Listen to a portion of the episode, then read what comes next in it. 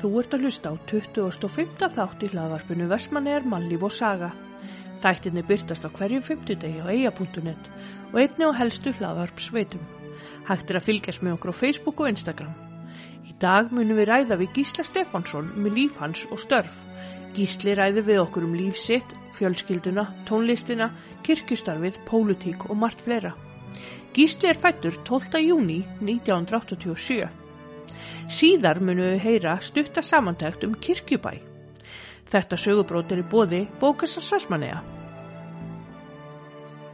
Kondi sæll og blessaður Gísli Stefánsson. Sæla mín, gaman að koma Já, ekki? Jú, Og bara velkomin í hlaðvarpið. já, takk En hver er Gísli? Herri, ég er uh, giftur fjórabandafæðir úr Vestmanniðum, Já. fættur og uppalinn og bæði ég og konu mín Kristín Sjöfn Hámarsdóttir, við erum bara búin að búa hérna bara nánast alltaf, við erum enda fluttum til ekki eitthvað svona uh, kringum svona hrun árin. Já, vorum þar bara mjög stutt, eitt og allt ár. Já, ætluðum eitthvað svona bæta aðeins í mentir og, og það var svona lítið úr því en fjölgum fyrir að byrja fjölkyttin í staðin og eignus fullt að góðum vinnum sko. Já, og með honum í bænum og, og svo bara komum við aftur hinga já, ég starfa sem æskulisfulltrúi hjá Landakirkju já, og er e, líka starfsmaður KFM með því. Mhm. svo hef ég svona undanfærin 2-3 eða 3 ár verið að sagt, tekið að mér að kenna nokkur nefndum í tónlaskólanum á gítar. Já, ok, og er náttúrulega sagt, mentaði gítarleikari. Mhm, bara frá, frá því að ég var 8 ára gamall. Já, og svo hef ég hérna svo hef ég nú eitthvað aðeins mentað mig líka. Ég er með ég er, er það sem heitir félagsvísinda fræðingur ok, og reyndar eftir að bæta við með eitthvað skona masterskráðu þar. Já, en hérna já, það er ég. Já, það er þú, svona, svona í grunninn allavega. Já. En hvernig barn og úlingur varstu? Herðu, ég þú passaði mig nú. Já, Ég held að ég hafa alveg svona verið fjöru en ég sem svona, svona mín upplifuna með sem krakki var svona og, og það eimir alveg að því aftur og svona hefur komið núna í veirunni sko, ég er svona mér er alltaf liðið alveg vel svona einum sko, já, svona geta að kúpla mig út sko, ég var þannig sem krakki og ég held að ég hafi svona þú veist, ég hérna ég átti alltaf fullt af góðum vinum en, og svona alveg alltaf svona góða nánavinni en þeir voru aldrei ég var ekkert að sapna þeim skilurðu. nei, að, að því mér leið vel líka bara svona stundum eitt sko. já, og ég sé þetta líka aðeins í krökkunum mínum. Mhm, og hérna og þú veist, það, það er svona ákveðna kosti ákveðna galla, það er ekki gott þegar maður er svona eins og nú er maður búin að keira sig upp svona í félagslífinu og svona. Já, gera það fyrir veruna og svo er svo einhvern veginn fer maður aftur í skjöluna og mann líður svo vel. Já, svona líku eins og maður syndi sangi hérna bara í, í vondu veðri sko. Algjörlega, en svona sem unlingur þá svona, jú, það sprakk maður svona út. Og þar var aðalega músikinn Mm. Sem gerði það. Já, og var þá í, í alls konar hljómsveitum og, og hérna og tókst að vinna hérna svona, okkur tókst félagunum að vinna það sem að má eiginlega segja vel bara svona Íslandsmeistartitillin fyrir okkur í tónlist músiturnir sem úlingar og það hefur svona mótamann tölvest sko. Með hvað hljómsýtt var það? þá við fórum Monkeys Já, og við erum ennþá starfandi við fórum að starfa aftur núna 2018, 19 eftir að hafa tekið okkur nokkur ár ok, í hlje gáum út plötu þá og erum að gera þriðu plötuna núna þess að dana já, ok, og það verður bara ætlum að gefa hann út held ég út í vor. Já, geggjað, það komið bara eiginlega alveg á fullt sko. já, búið að dundaði því í COVID, já, við vorum að semja hana í svona já, við byrjuðum að semja hana reyndar hana aðeins bara upp úr áramótunum 2020 áður en þetta fór alltaf stað og, og svona, já ég, mikið af henni var til bara inn í bílskur já, hjá mér já, þegar við gátum ekki hist og þá vorum við að senda þetta á milli og svona sem er þetta ekki þú veist, jú, jú, það, þetta, þetta er eh, tæknin er frábær í þessu og, og allt það sko en, en það vantar sko út með svona grúpu manna sem að hlutinni verða til við, í samspilinu þegar við hittum saman og, og verður til allt öðru sem músika ef við erum ekki saman, ef við erum Já. í sikkur lægi sko. Og, en það, við ætlum bara að láta reyna það. Já, já, Já. Kemur í ljós, hvernig Já, það já. Kemur út en það er líka skemmtilegt komið eitthvað nýtt en hérna, hvað ert í mörgum hljómsveitum? Sko ég er náttúrulega, er nú bara í þessari Já. einu hljómsveit Já, núna en svo er náttúrulega eitt af svona stóru verkefnum einu svona ári, það eru Mm. Sem að ég er ekkert vissum að allir svona tengi beint við en það Nei. er hljómsveitin sem að leikur undir í söngakenni Batna á þjóðatíð já, og það er svona, svona skemmtilega er ég og Birgir Nílsen og, og Þröstur hérna, Jóhansson, Listó. Já. Og Já. Kristinsson. Og þetta er svona, svona góð blandamanna já, og svo var Tóti með okkur. Já. Hérna, Þórun Ólafsson. Mhm, daglusöngari frá Háfelli eins og við þekkjum hann. Og hérna, en hann er nú hérna var náttúrulega alltaf í þessu með sínum félum, dansarósum en hefur ákveðið að ákveða að stiga til liðar og nú ætlaði hún, hefði orðið þjóðtíð þá ætlaði hún hérna Svanhildur Eiríksdóttir að vera með okkur í já, staðinn. ok. Það er svona stemdi í svona hvað var að segja, svona aðeins öðru sig. Já, já, nálguna það. Svo hefur maður alltaf verið í alls konar öðrum verkefnum. Fyrsta svona bandi sem við segjum alltaf félagarnir alltaf að hafi verið hérna eina sanna stóra band það Já. var eh, Made in China Já, já. það var ótrúlega skemmtileg tími á félagunum í því. Það var eh, Birkir Ingarsson, Gísli Valur Gíslason og Haraldur Ari Karlsson. Já, já, og við með mér í því og það var, við spilum nú mest bara okkur svona böllum og já ég sá okkur nú einu svona tróðu upp upp á stakko. Já, Það var svona unglingaball á Stakkó. já, já, já, við gerðum alls konar svona eitthvað. Svo hérna upp úr því þá fór ég að vinna með Víði Heitalvinn mínum sem er með mér í fórum ákís já, þá og, með okkur í hljómsveit voru Gísli Hálmar Brynjólfsson svonunnar Íris Águmistóttur sem konu mhm, og svo hann hérna uh, Guðmundur Ómar. Mm, Einarsson var hann þá allavega. Mm, og hérna við félagarnir vorum saman í hljómsveit sem heitir Armaða. Já, ok.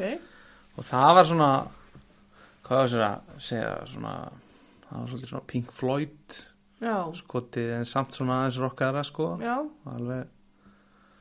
Og það var svolítið skemmtilegt. Við fórum nefnilega með það band í í músiktörunum áður en eh, fórum Monkísvann já, og það var svolítið áhugavert með það sko. Við fengum rosa flotta dóma svona hluta til í því komst endur ekki áfram. Mhm, en, en svo hérna einn dómurinn var sko sem að situr alltaf svolítið fast í minninu sko. Þetta var skrifað í mokkan sko. Og svo las maður mokkan sko daginn eftir. Einmitt, miklu eftirvættu og, og, og það stóð eitthvað svona alveg frábært band en alveg hundleðilegt og, og það var svolítið svona sérstætt þegar við vorum búin að vera það var alveg smá hæp sko. Og þetta var náttúrulega bara mat eitthvað stómara sko Já, og allt já. í lægi og tók, og, og það var búið að vera svo alvöru þungið sko. En svo fórum við árið eftir með Jóvíðir á samt Bóða Ágústi sem Mhm.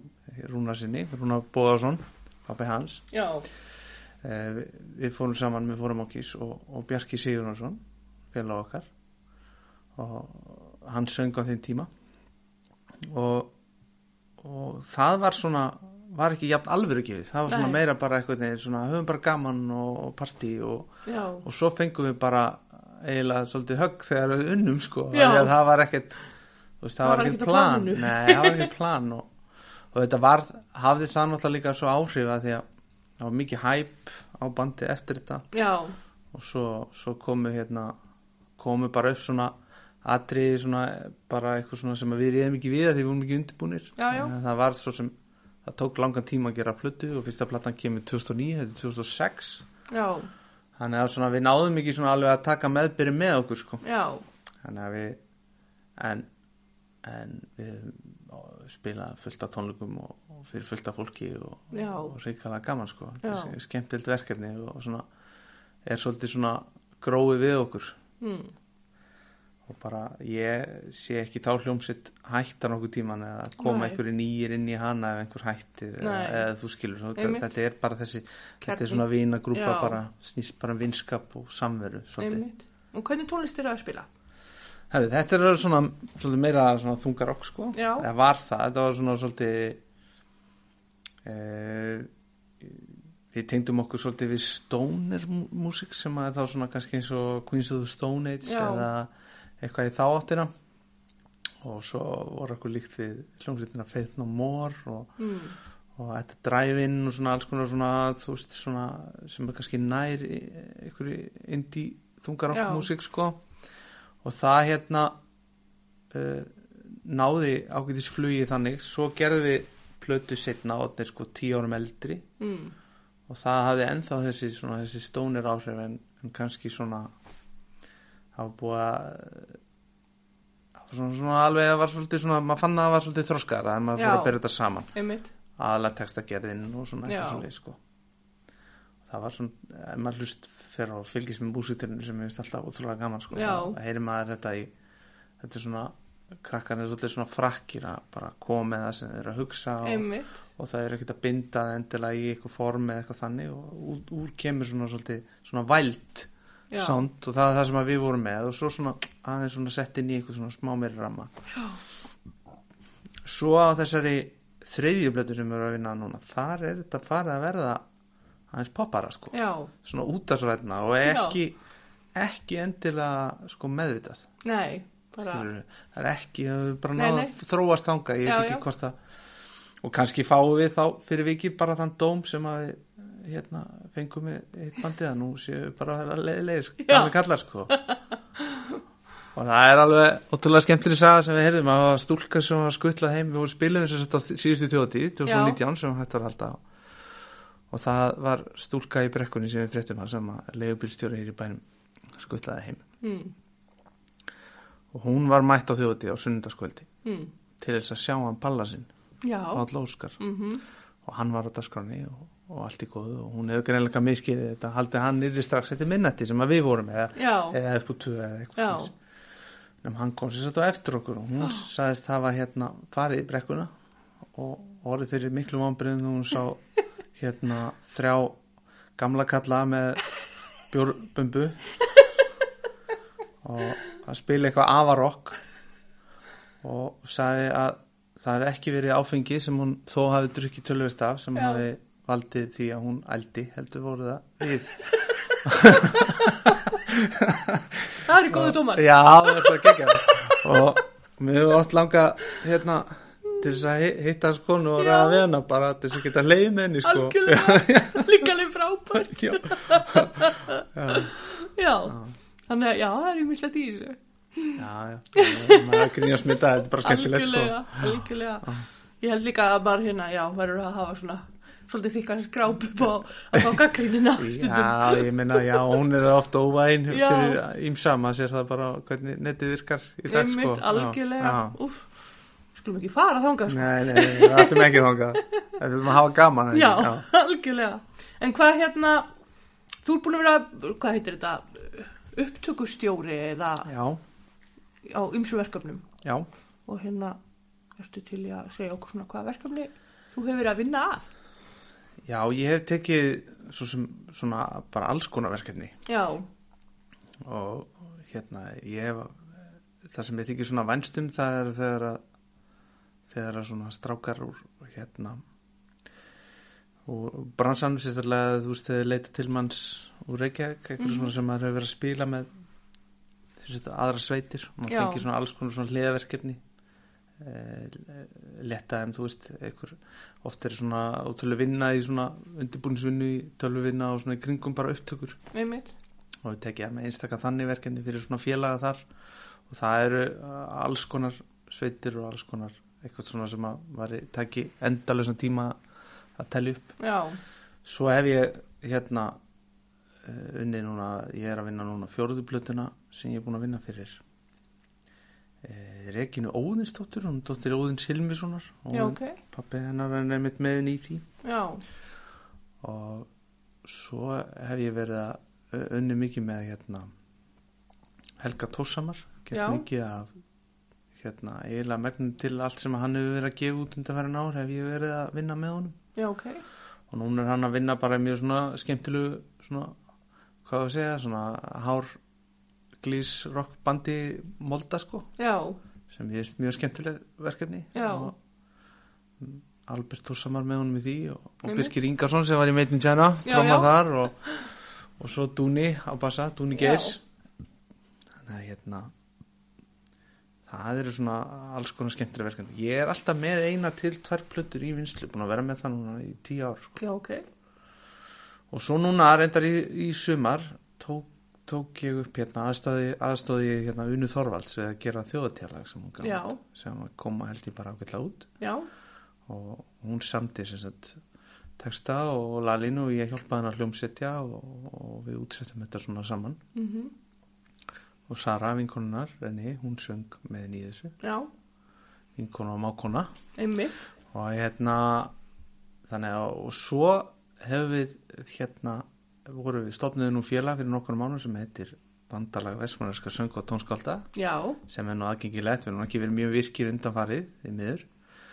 Sæðu Vító er formaður þar og, og er hérna við höfum, höfum sagt ég og Sæþór stopnum mér já, má kannski nefna það, hann og ein, ein hljómsveitin sem við erum í sem er svona búin að vera hálsóðandi, við erum búin að gera þetta tvær plötur, ég og hann saman sem að já, undir nafninu Móberg. Ok. og fyrst gerðum við plötu fyrir Snorra Jónsson. Mhm, og hann Snorri Jóns, hann hafi verið hérna Snorri í Pippúsinu. Hann hafi verið hérna eða er mikið texta einmitt.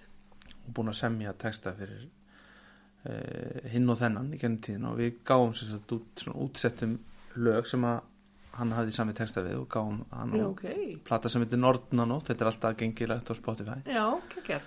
Og þar er sérsagt samanverkefni okkar Sæþós og svo gáum við út hérna og þar var það, þá var félagið fyrst komið til skjálana, Já, bandalagið best eins og við kallum það. Það var hérna eh, svona eigalega plata Mm. þar sem að við dróum út svona það sem við getum kannski kallað skúfuskáldin í Vestmanni og þá vorum við að reyna kannski örlítið að augra því að, að oft hérna oft þykir Vestmanningu sem eiga texta og, og lagstúfa og, og jafnvel heillög svona kannski erfitt að koma þessu frá sér af því að, að því að ég veit ekki hvort sumir eru hrætti við samanbörnum við, við gömlu meistrana Já, eða já. hvað það er sko.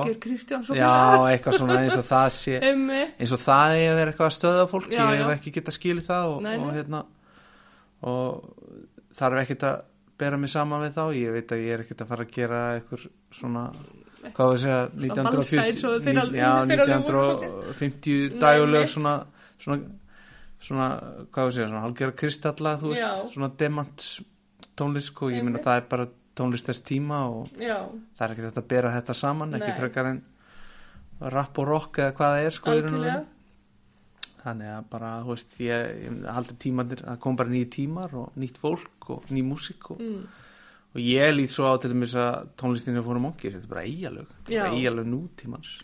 Og bara, og svo er, fannst mér bara gaman að fara við gerðum svona hálfgerða countryblutu í Ásæður úr þessu í Já, ok. Móbergið. Já, og vorum þá með félag okkar í best sem voru hann að fleiri Mattias Harðarsson, mhm, hérna, orgelegari mhm, og, og hérna Birkin Lýsen trómaði þetta og svo var eh, hérna Kristín Jónsson bústæðalíð, hann var á bassa og við fengum Sigur Sigmund sem er nú gammal svona eiga maður, var hérna í tí á sinn tíma, já, já, hann kom yfir og spilaði með okkur og Já. við, gerðum mjög fína sér sett hérna e, plötu sem að hétt hérna í skugga meistara yrki ljóð.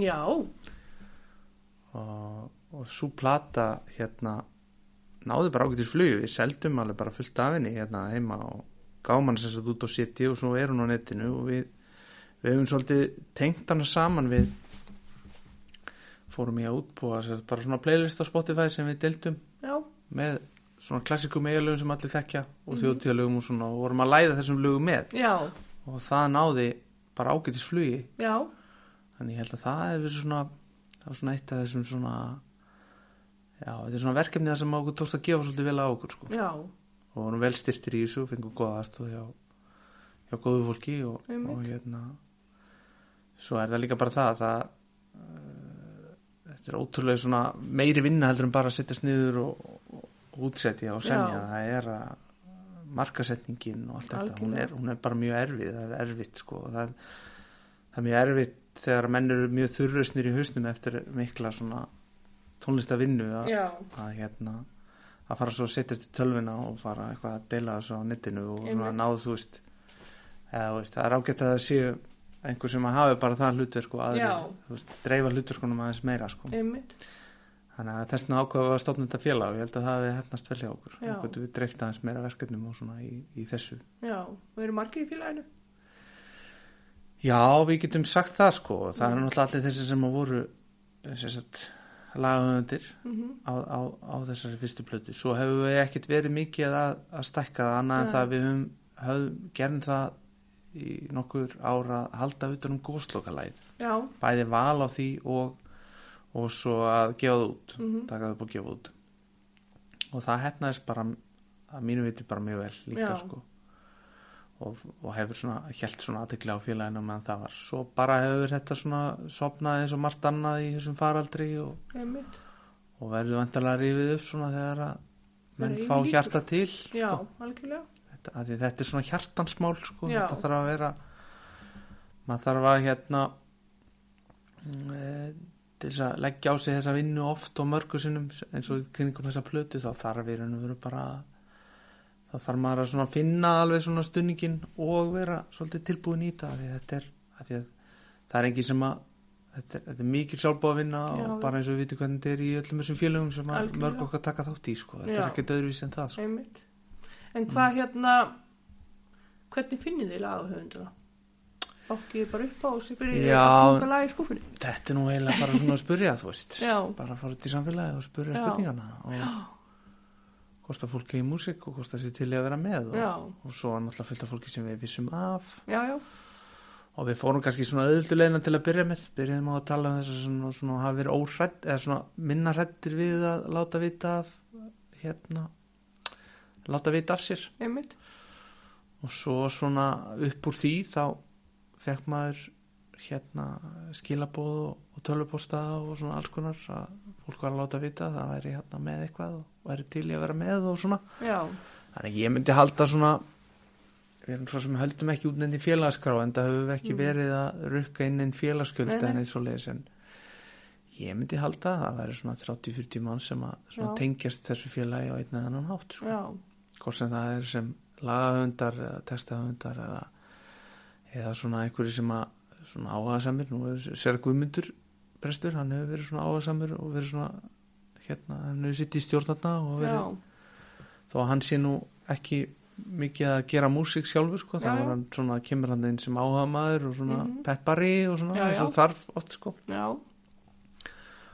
og góður hlustandi, ekki bara þegar hann hitti fólk, heldur líka þegar hann er að hlusta á músík sko. Mér þótt gott að láta hann hlusta á eitthvað sem ég er að gera sko. já, fæ svona svona einlæg og góð komment einmitt. hann er svona einn af þeim og hinn er kona mín sko, ég leiði hann henni vilt að heyra allt sem ég geri og, og þá fær maður á svona svolítið, svolítið kaldalumur já, og lagar svo eins og gerist sko. já. Verður þá svona svolítið þrunga andrúsloft á heimilinu eftir það eða? Nei, nei, nei, Nei. ekkert viðkvæmt sko. alls ekki viðkvæmt, ekki þannig það Nei. er bara, þú veist, maður þarf átt sko maður átt í svo mikill í búblu þegar maður er gera músík sérstaklega þegar maður lendir í að vera að gera neitt Einmitt. ég held alltaf, ég held mjög lengi að það væri betra ef ég settist niður og, og gerði hlutin einn, af því Já. ég er uh, svona ég get spilað á hljóðfæri í Já, já. praktík sko ég spila bara vel á eitt hljóðfæri en ég get Bjargaði mér á nánast öllu öðru og nema einhverjum svona blástus hljóðfærum og eitthvað svona Mm. ég bara ekki komið þákað og, og, og hérna ber meiri virðingu fyrir þeim heldur en Já. ég bara blásið en, en hérna eh, reynslan hefur sínt að það er alltaf best að gera músík í hóp mm. verna þess að það getur vel verið að bara besta dæmið er að, að hérna um, bói vinnu minn í, í fórum okkis hann er ótrúlega, hann er ótrúlega lúmskur að koma með svona eitthvað svona grípandi riff. Já, ok.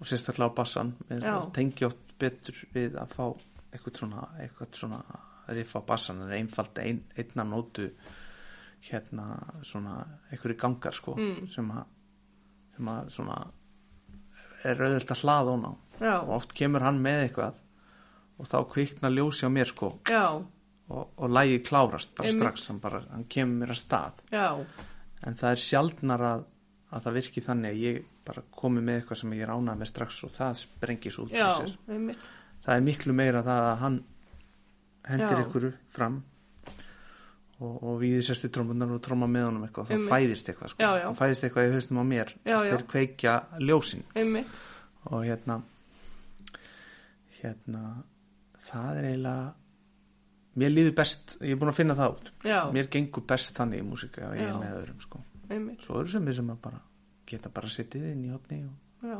og dælt út sko, já, alveg, einmitt, þannig misjátt. þetta er mér sjátt En hvað hérna, hvað aðstöðu hafið þið? Herru, hérna, við höfum bara verið að fara svolítið á milli. Já, en svona aðalastaðan sem að ég nýti mér er bara upp í kirkju. Ég er náttúrulega bara með skrifstofu þar og þar e, bara fyrir hérna tilstilli bara velvilja svona nefndar og, og presta og, og aðra sem eru þarna annars starfsfólk þá hef ég bara fengið að að nýta það húsnæði svolítið bara undir músík. Já, samdarheimilið og kirkjuna og, og það. Svo höfum við verið að æfa hérna nýri bæ við höfum fengið að vera í aðstöðu hérna upp í miðstöðinni Já, ok. aðraðinni þar. Fengið lítið herbyggi þar. Við vorum nú meiri sem eins og í þessu rými. Áður en allt var hérna áður en þetta var á félagsmiðstöð. Einmitt. Og það var líka bara góðu tími við höfum þurft Já. að fara svona á milli. Finnst ykkur vanta svona æfinga aðstöðu? já, það vantar.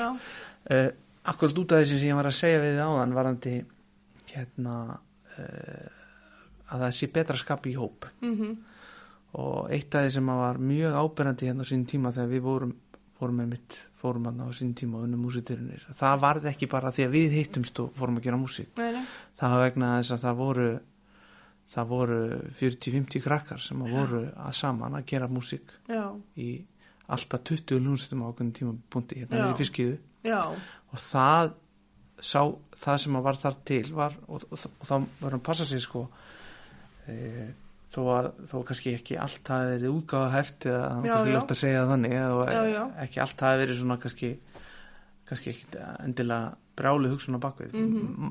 All, allt flest þarna fólk var að gefa mikið af sér og skapa sína músík og svona. Og, og það var bara mismunandi þess að fólk er einmitt, en það má alls ekki gera lítið úr því að það skapaði ákveðin kúltúr já, og krakkar sem að í dag sem að tóku, eða fólk sem að var þarna í þessum hópum uh, það býra að þessu ennþá Það í dag. og, og úr þessu stóra og mikla sem sagt svona konsepti sem var til þetta, það sem var kallað rockeldi eða þannig á þessum tíma. Að það e, það, það bjóð til eins og ég kallaði á hann svona Íslandsmeistar í greinni sko. það skilaði sér þannig. Einmitt, og það ekkit, var ekkit bara því að við vorum eitthvað svo frábæri sko, Nei, alls nei. það bara var eitthvað ákveðin kultúr í gangi Já. og fólk var óhrættið að skapa. Já, sem að hérna náttúrulega og svo þegar fólk var fullorðið og á lögun í skúfum þá einhvern veginn þórið það ekki já, en þarna var þetta svona óheft. Og, og hérna mér finnst það til dæmis mjög undarlegt og ég hef talað um það oft sko við erum með, við höldum eina stærstu tónlistarhátti hérna á landinu. Mhm, og þó að ég ætla ekki að gera lítið úr Brimnes og, og Dans Nei, og Rósum þá er það ekki. þá og þeir, þeir sjá algjörlega um, um að halda upp í stemmingun á litlasviðinu mhm, en við en mér finnst alltaf fundist það sérstætt að við séum ekki konstant með þó þessi ekki alltaf samatriði heldur sko. Við, við, að, að við eigum eitthvað stóru hérna stóru nöfn og þjóti sé ekki frá Vestmenni já, alveg að við- eigum þetta og, eina sem að þarf til þess er, er hérna er stuðningu við græsrútina húsnæði, smá þólumæði e, í dag er, er virkar þetta þannig að krakkar bara hafa mjög fullkomið stúdíu í símanu sínum. Já, og geta farið ansi langt með að gera alls konar músík þar. Bara, og það er ekki bara eitthvað hip-hop eða eitthvað nei. dansmúsík eða eitthvað elektró eða þannig. Nei, nei, það er líka bara, bara rock'n'roll sko. það er það sem fólk vil gera. Einmitt, og það getur byrjað í símanum. Já, en þetta verður eins og við segja þetta verður aldrei að alvöru fyrir fólk getur hist og skýrst á hugmyndum. Já, og svo tekur smá tíma að finna okkur hverjum vilja vera að spila með? Einmitt. Og það gerist bara gennum vinskap. Ég var oft í hérna til þess bara þessu sem ég var að tala um áðan sko með hennan, hennan kærleiks vinskap sem fórum Já. okki sér sko. Þetta er ekkit öðruvísi á Sæður og Jarli og þeim í, Mm. í Brimni sko. Þetta Einmitt. er bara góði vinnir sem að starfa mikið saman og, og hittast ekkit bara þegar þeir eru að gera músík sko. Nei, nei. Skilur, þannig að þetta er svona veist, þetta það þarf að, það þarf að skapa sambönd þessi, þessi, þessi ósynlegu bönd á mill okkar já, sem að sem að, hérna, og við gerum okkur grein fyrir leið og þau slitna, þá, einmitt. þá líður okkur mjög illa og þá, Já. skilur, en leið og þau eru hrein og, og sterka, þá erum við bara Já. hérna í góðum gýr og náum að búa til eitthvað saman, hvað sem það er bara vinskapur og, og minningar eða músík eða, eða einhver önnu list eða hvað það er sko. En það eru þessi hluti sem að mér finnst þessna skiptir miklu máli að við, við förum að huga að því að, að hér komi aðstæða já, Mm. algjörlega. Og þetta þarf ekki að vera eitthvað reysa stórt húsnæði eða, eða hvað? Nei, alls ekki, ekki til að byrja með, klálega ekki. Ég held þetta að svona uh, svona rými kannski eins og ég veit ekki hvað það er að vera stórt bara svona eins og eitthvað bilskúsrými Já. 20-30 fermetrar geti mjög hæglega hýst þrjú bönd einmitt, sem að bara skipta svo á sér tímum. Já, já, og eðlast þetta er mér að tengja þetta saman bara við hérna tengja þetta saman við félagsastöðuna eitthvað einmitt. Og, og upp á eftirlit og annað því að það náttúrulega var þessu rockelda falli að eftirliti dóaðins já, og þarna komu inn aðilar sem að kannski hefði ekki átt að vera þarna. Nei, einmitt. Og, og hérna. Því miður þarf ekki nema eitt róti epli til að já, það, og það, þannig fór þetta. Svo var náttúrulega kannski botnin aðeins farin úr þessu líka á tíðanbili og vantaði svona einhvers konar endur nýjun já, og svo vantaði líka kannski á þeim tíma var náttúrulega bæjarfélag ekki eins vel statt á þeir í dag. Mhm. þannig að það var kannski ekki hlaupi til að setja einhverja peninga á þeim tíma í að, í að keira upp sem sagt þetta er búið nýtt Já, svona og, og bara ekki áhugi fyrir því sennilega heldur, það voru bara fólk sá þau mál sem að stóðu fyrir bara sem brýtnu erfæri bara erfi skuldastað og einmitt, sem að var sem betur við bara snúið við og, og lítur mynd betur í dag. Algjörlega. Þannig að já, þannig að óskandi bara ef ykkur úr bæjastjórninni heyrir þetta. Já, ég þetta sitt í fjölskyldum tónlistarráði og þetta Já. er eitthvað sem á heima þar og, og, og mun komast þar að einn daginn sko. Já, neða því Það að þetta er mjög mikilvægt bara fyrir krakka, það er svo mikið af krakkum eða bara fólki sem að er mjög hæfileikaríkt en einhvern veginn er engin vettvangur til þess að skína. Já. þannig að njóta sín. Já, og svo samfara þessum vettfangi eru við náttúrulega líka að búa til eitthvað stað þar sem fólk getur komið fram. Mm og það er náttúrulega svo sem ekkert mikið í, í bóði hér þar sumt vegna þess að út af verunni að, að svona dottibotnin náttúrulega allir skemmtaraldi og allt það sko en, en svo líka þú veist að við eigum eitthvað svona aðstöðu Mm. einfalda tónleika aðstöðu. Já, þar sem að svona hljómsveiti geta komið fram og Já. reyndar skils mér að það standi bóta ég hef nokkið síðan að teikningar eða neitt en nú ætlum við að fara að stekka hámaskóla og færa tónleikaskólan þangað og, já, ok. og gera þar tónleika já, Svona aðstöðu. með. Nei, nei, en það er á planinu. Já, ok, og bara er virkilega flott verkefni sem ég vona að við bara komum sem fyrst í. Einmitt það er frábært. En svo var ég náttúrulega, ég er með smá hugmynd. Mm. ekki bara kastur því fram. Það mætti náttúrulega nota hérna stóra sviðin í dal meira. Já, á sumrin það má alveg gera það. Ég er alveg sammála því. Við þurfum að finna, en við þurfum að finna náttúrulega einhvern flöt á því sko. Já, já, Þetta er náttúrulega stórt svið sem þarnast þá tölvur sljóðbúnaðar Já, já, en ég veit ekki hvað, kannski komist við upp með eitthvað. Já, já. Nei, nei, Eitthvað minna. Bara svona eins og í gamla daga þá var hérna Jónsmessa hátíðaldin Já, og það var nú bara gert bara með held ég Mm. tiltúlega þægilegu sko móti sko. Já, já, já, bara einhver frammi fengin og það var endur áður en að sviði kom. Já, já. en hérna, já, þetta var mjög skemmtilegt. En já, þetta er, já, mér finnst þetta þetta er nefnilega svona málefni sem að hefur verið að vera að tala svolítið í eira á mér allanum Mm. svona krakkan í kringum mig sem hafa verið að tala um að, að aðstöðuleysið og þetta sé svolítið að draga úr þeim. Já, það gerir það. Því að Það er ekki allir fóreldrar kannski tilbúinir að hafa hljómsveitin í sér. Nei, nei, nákvæmlega. Og það er náttúrulega kannski erfiðara fyrir þá sem að eru yngri að vera að fara og, og leiða sér eitthvað að búa eitthvað svo leiðist til. Það er Já. náttúrulega ekki kannski beinting koma til þess en, en það er nú samt sem áður hluti að þessu sko að- að að vera með hljómsveiti er bara að reka fyrirtæki. Já, og, og það er ótrúlegu kostnaði sem maður fellir til og, Mhm. og, og, þú veist, ef maður vil líka bara hljóma vel og hafa góðan gýr og svona og liða vel með það, þá kostar það náttúrulega bara fleiri miljónir sem að maður alltaf safnar bara upp á löngum tíma og maður er alltaf búin að vera að safna sér dóti allan tíma, algjör græði fíkill. Já, já. en það er líka kannski sem að mér svolítið skipta máli í þessu er að er sko að, að, að við förum kannski að hugsa um músikina sem svona business líka svona með, Einmitt. alls ekki engungu heldur að hérna og hvernig hann virkar það því að þú veist í dag er náttúrulega það þýr ekkert að gefa út plötu. Já, já. og að það þýr ekki að setja hann á kaup, ef fólk kaupir það þá er það bara eitthvað svona samúð. Að það er engin með geislaspilara þannig, ekki margir allavega. Hérna og í dag er miklu eigulegra að, fyrir fólk að kaupa vínil sem er mjög ánægilegt að þessi komið eitthvað svona að algjörlega.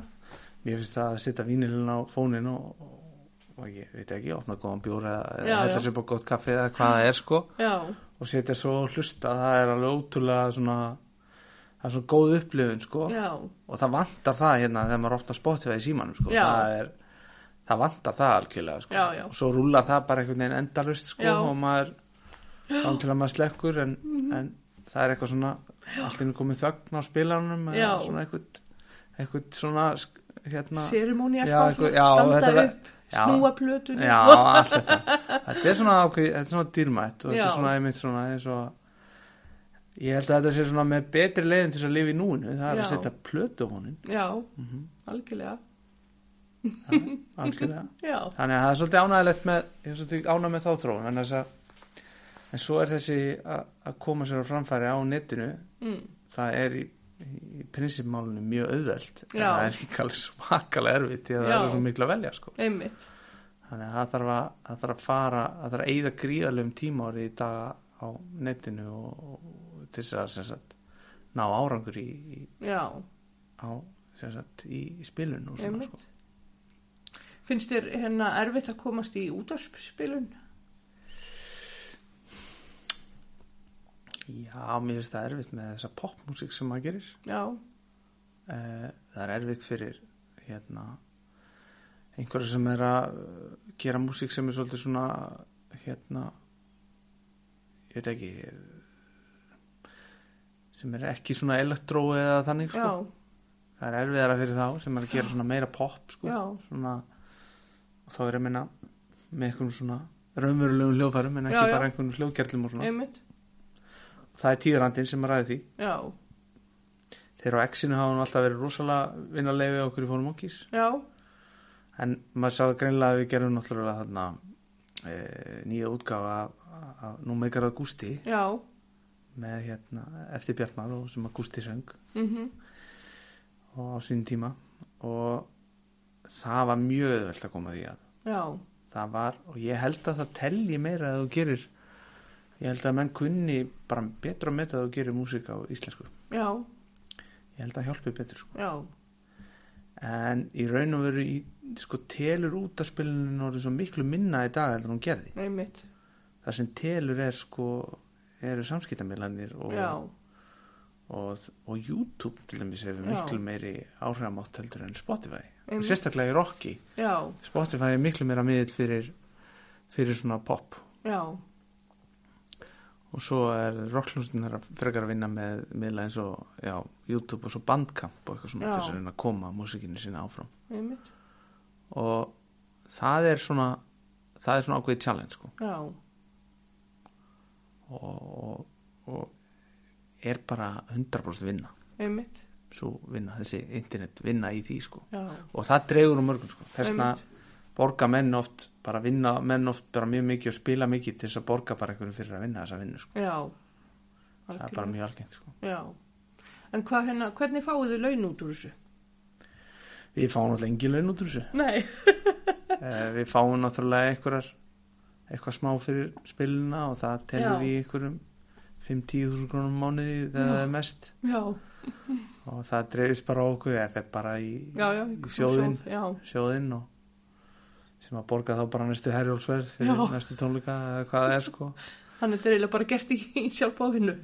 Já, ég þannig. eins og við verðum að segja Já, þetta er gert svona í kærleika Já. og, og þú veist, þetta er svona vinnahópurinn þetta er Já, svona á, þegar við fyrir að spila saman þrýra á tónleikum þá er það svolítið svona eins að ef að í bústað Já. skilur, það er eiginlega svolítið þannig hjá okkur Já. í þessu einmitt. og svona peiaferð Já, bara hýttast að hafa gaman. Það er það, en á mótið þú veist, Já, kemur fólk að sjá. Já, okkur og það er mjög dýrmætt sko. Einmitt. og við reynum náttúrulega bara hérna, við erum náttúrulega ekki á þeim stað að við getum eitthvað verið að rukka eitthvað inn að eitthvað Nei, ráði, þú veist, við reynum að hafa stilla miðurinn hóf eða Já. ef við þurfum að greiða eitthvað Einmitt. þá er vilt þess að koma á mótsvið bara þannig við höfum góðan hljóðmann og það hljóma allt vel og, og upplunum verður sem best sko. Já, algjörlega. En hérna snúum okkur öðru. mm. Hvernig var að alast upp í eigum? Hæ geggja alast upp í eigum Mm. ég hérna ég hérna hugsa oft til þess og maður er náttúrulega bara svo takmarkaður en þú veist, ég, ég hefur leift mér að hugsa það að, ég, að hérna sko, auðmingja fólki er ekki þó ég náttúrulega meina ekki skilur Nei, en nei. ég veit það alveg að það er, það er eh, hérna, heima er það sem maður hallar höfðinu sko. Já, já, algjörlega. en hérna, og mann getur mann getur líðið vel nánast allstað sko. Og mér líður vel nánast allstað en það er eitthvað bara við þennan stað og það er svona, líst ég ágætlega eitt góður sem að ég hitti reglulega, hann var að lýsa hérna þegar fólk var að koma hingað á, á sjálfmótið Já, í gamla dag eða hétt það sko já, já.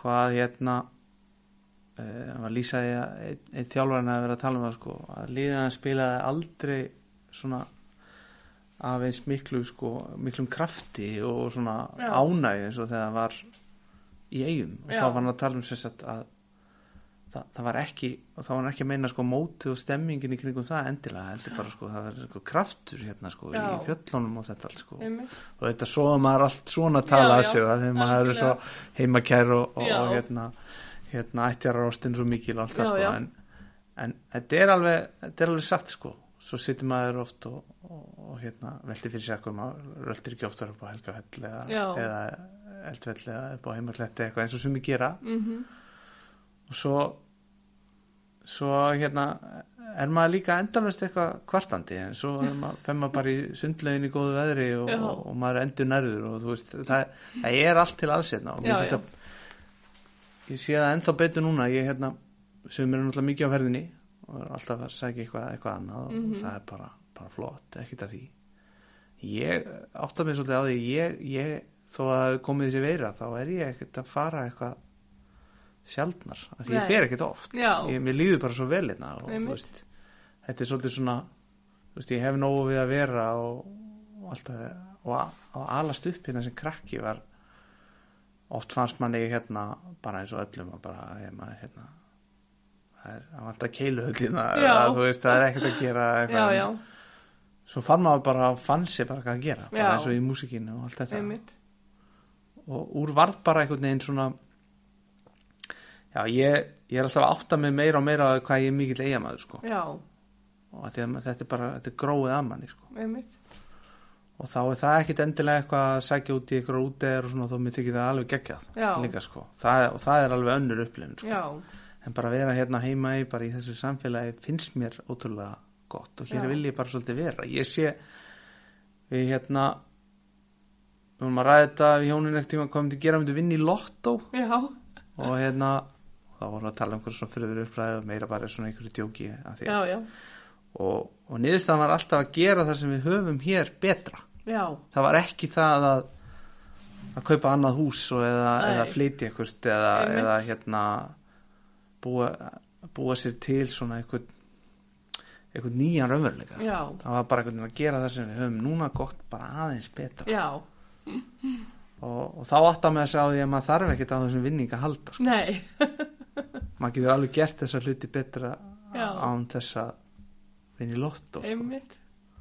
það búið bara til fleiri vandamál og meiri sko. já, verða allir að spyrja um pening og eitthvað svona Já. Viltu lána mig já, erum styrkið Já. já, já. Nei, ég meina það, það er örugglega ekkert alltaf gaman að- að að- að vera þar að, að hérna, vera endalist að fá okkur styrkbeinir og eitthvað Já. Æ, En hérna, finnst þið lífið hafa breyst mikið í eigum síðan þú varst ungur?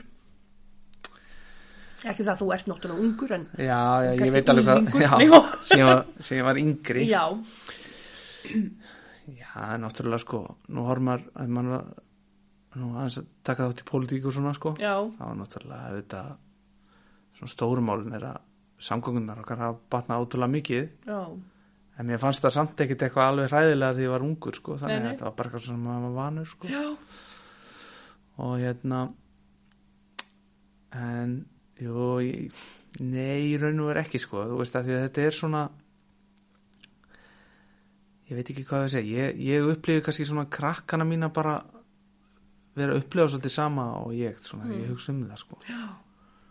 og nú erum við náttúrulega hérna í pissi tíumbilinu og Já, svona, já. þú veist Já, og, og, já, já, þetta er svona svolítið svona afsakið slettan og svona down to earth svona Mm. upplifun fyrir þau sko já, og ég held bara að lífið eigum per se hafi ekkert breyst eitthvað meira heldur en að það hefur breyst annar staðar. En það er bara svona eitthvað tæknuöld Já, sem já, gangi og, þróuninni svo. og, og pendullin er alveg lengst í botni sko hvað var það eitthvað svona samskiptamiðla æði Já, og, og, og, og, og tölvin notkun og eitthvað svona Já. sko og, og, og fólk að ströggla með að lifa í núinu og eitthvað svona kvíði og eitthvað svona og það held ég að sé bara liggi svolítið í þessu dóti sko. Já, en ekki já, ég upplifi ekkit eina sem að kannski, jú ef það er eitthvað sem er breyst svona í alvörni hér í Vestmannheim fyrst mér á sísta árum, það er það er hérna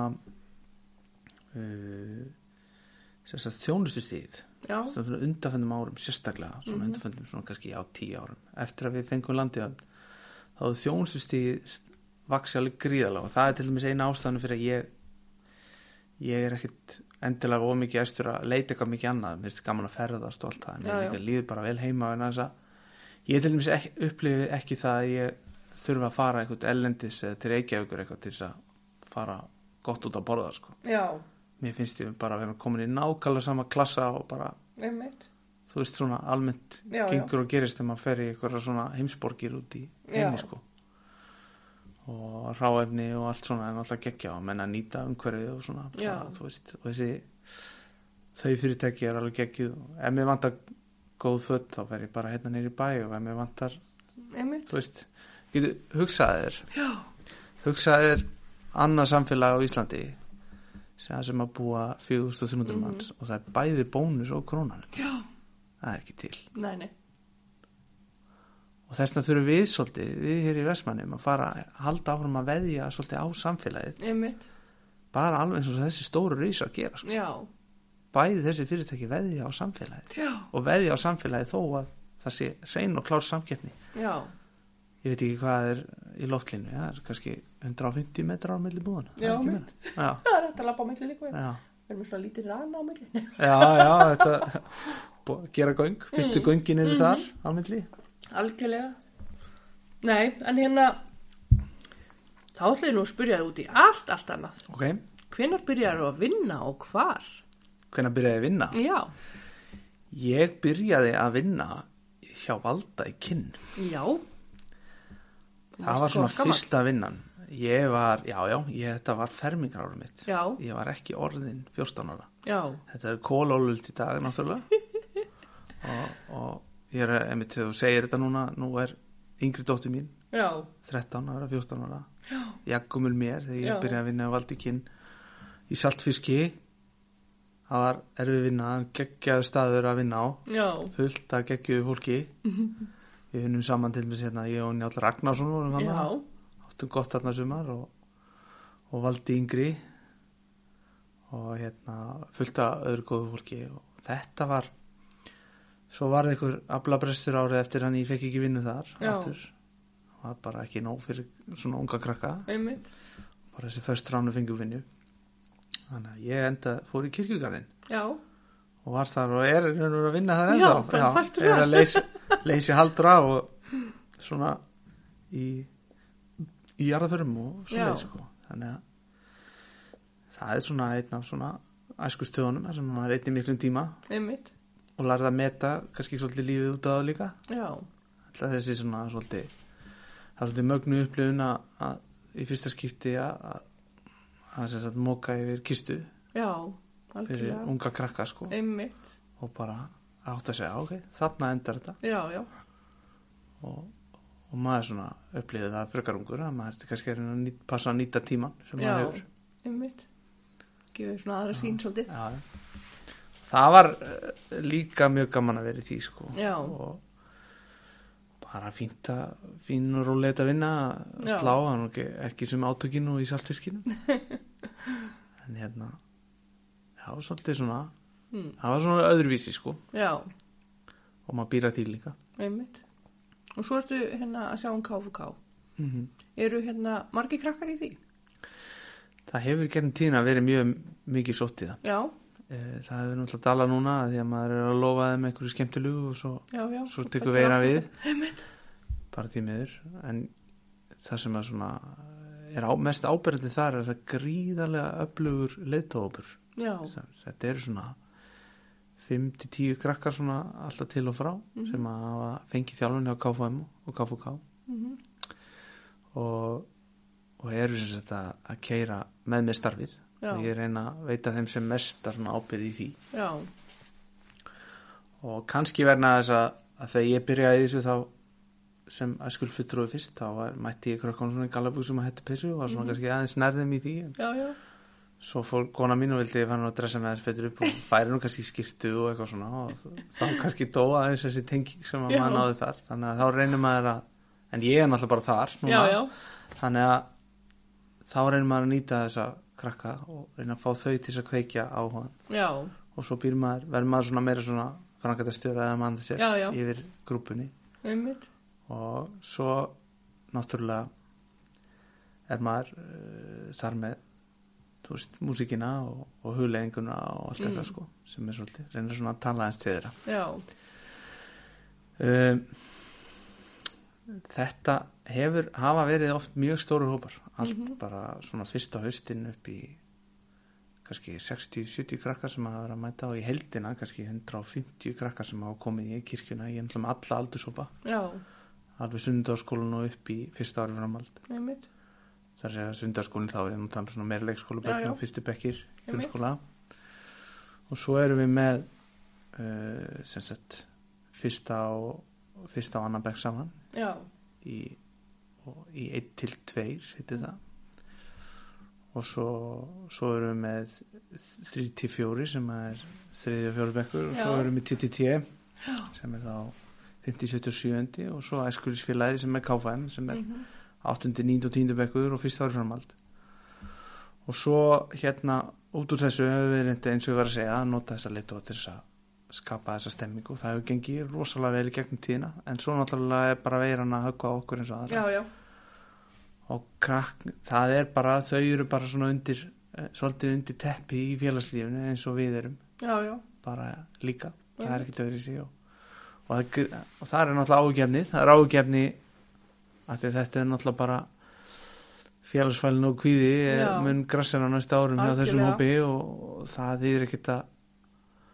það þýðir ekkit annað en að bara reyna að horfast í augu við það. Já. það verður, verður svolítið róður næsta ára að ná þessu upp í næsta því það tekur.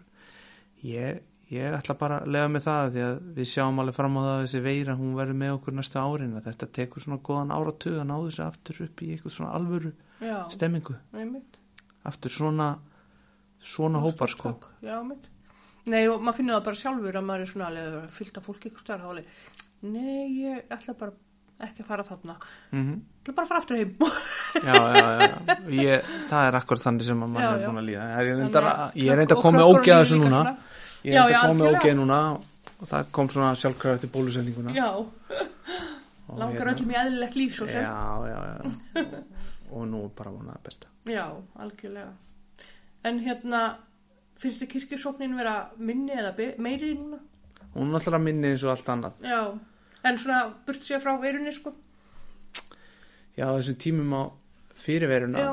hún er í raun og veru finnst mér hún ekki hérna hafa verið neitt slæm sko. Nei, og það er, það er mikið að virkum svona öðru, sagt, öðruvísi hóp sem að taka Já. þátt í kirkjustarfinu með tólsporastarf já, og svo eru hérna aglahópurinn sem er svona blanda af konum úr fleiri kirkjudeldum líka Einmitt. og frálsakirkjun og Bítarsson og, Já. og svo frá okkur og svo eh, er Gítjónfélagið sem er svona meira kallafélag sko, Mhm. Þar og það er alls konar hópar sem er að vinna hinnum á þessum verkefnum innan kirkjunar og svo erum við með erum við í tengingum við hérna, æskulissamband bæði Reykjavík og svo æskulissamband þjóðkirkjunar já, þannig að veist, það eru svona alls konar grúpur sem er að vinna.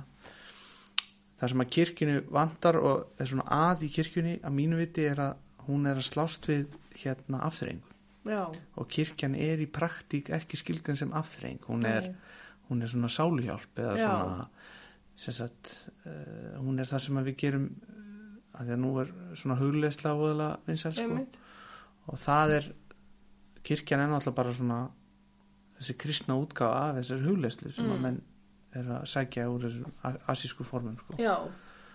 og við þurftum kannski að ég hefði haldið það að kirkjan þurfti að gera meira svona eins og við kirkjan viðkennir þetta með stað við erum ekkert að halda æskulistarfi svona sika fjör já, við erum ekkert að bjóða krökkunum upp að koma í einhverja helgistund og svo bara bæ, þú veist, Já, við erum með einhverja leiki og eitthvað fyrir já. eftir og það þarf að koma bara líka þannig fyrir fullna fólki. Eða, að því að krakkar sem að taka þátt og unlingar sem að taka þátt í æskulistarfi þeir finna það algjörlega að eftir fyrsta ári framhald eða þeir eru ekki hluta ekkur leita og þá Mhm. Já. er einhvern ekkert svona fyrir þau nema bara sundarsmessan og það tók mig 7-8 ár í starfi æskulisvöldur og starfi kirkjunar Mhm. að fatta hvernig hérna sundarsmessan getur hjálpað mér já, og hvað hún gerir fyrir mig einmitt, og á sín tíma þegar það var ákveðið að krakkar þetta fermast þegar voru 14 ára Mhm. það var líka bara sá tími sem að þau voru þú veist líkuð að byrja að stofna fjölskyldu og, Já, já. og komin út í lífið og farin að vinna og svona e,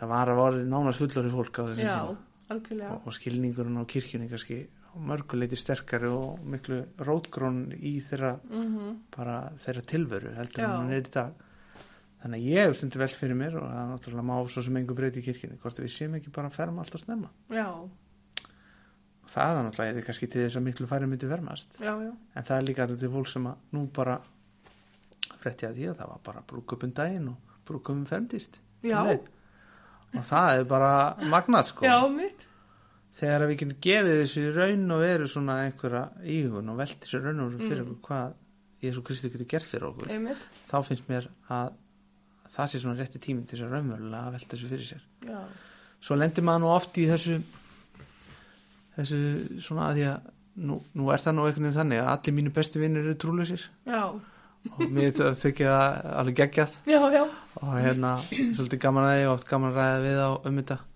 Og sérstaklega að fara að gaggrina kirkjuna og eitthvað svona að því að fyrir þeim að gaggrina kirkjuna er svolítið svona eins og fyrir mig að gaggrina karate. Já, og segja að karate sé slagsmálhýtrótt sem Já, hún er það ekki sko. Einmitt, hún er klálega eitthvað svona þú veist, jú, jú, þetta er sjálfsvarnar mm, sport þetta er, já, þetta er íþrótt og Mhm. hlutaði að eitthvað er íþrótt þá er eitthvað andlit í henni. Já, já, og karate er, þú veist, það er hugleislega og alls konar svona hluti sem að tengjast já, já, svona andanum þar til þess að hjálpa mér og, og Mhm. hjálpa þér að vera betri maður sko. Hugmyndin á bakvið það er, er það. Og og það er, en ég hef aldrei tekið þátt í karate og veit ekkert um það sko. nei, nei, þannig að ég er fann að gera svolítið meiri kröfu á að fólk ára að fyrir að gaggrina kirkjuna sjálfa mm, með öllum hennar göllum. Einmitt. ég er ekki einn af þeim sem er sammála öllu sem að þarf fer fram og, Nei, mörgum á breyta og þetta er svona ágætt ein, ein líkt þessu svona við hérna stórt og mikið ólíuskip já, þeim er lengi að snúa sér já, í, í hérna í stefnuna. Einmitt, og nær kannski bara ekki stefnunu fyrir að orðið og seint. Já, og hérna e, ég er algjörlega á því að, að hérna að það sé löngu komin tími til þess að, gera eitthvað svona rótaka breytingar Já. á þessu á, í kirkjunni. Ég er algjörlega þar. En allir sem að ég þekki sem að taka þátt í stærri kirkjunar eru mjög í grunninn mjög ánæðir já, með svona heildarmyndina einmitt, og með samfélagi og allt það. Já, og ég held að þeir sem að e, þeir sem að hérna eru trúleysir mhm, og, og hérna ættu samt að gefa henni og samfélaginu séns í kirkjunni og jafnvel koma og prófa bara að sjá hvernig þetta lítur út einmitt. án einhverja skuldbindingar já, algjörlega. Ég held að ég sé það og svo er það líka bara svo er það hérna já, ég held að það sé algjörlega grunnurinn í, í því að við bara almennt séð bara í samfélaginu við getum bara átt átt svona, svona helbir samskipti við kynnum okkur hlutin og þetta er svona Algjörlega. að því sko. Algjörlega. Mm. já, fólk er fólk að hérna dæmi eitthvað sem það veit ekkert um í rauninni. Já, já, ég, man, og ég já, ég er þannig En líka, veist, það er bara, já, já, og það er er hluti sem maður gefur aldrei sinn, sko. Algjörlega. Þannig að, þannig að já, þetta er svona já. Svo hoppa ég alltaf fram og tilbaka í þessu bara viðtali. en hérna finnst þú að hafa grætt eitthvað á því að valist upp í eigum Já, ég hef grætt mikið á því, ég held að ég hef grætt hef gefið mig þólumæði, mm.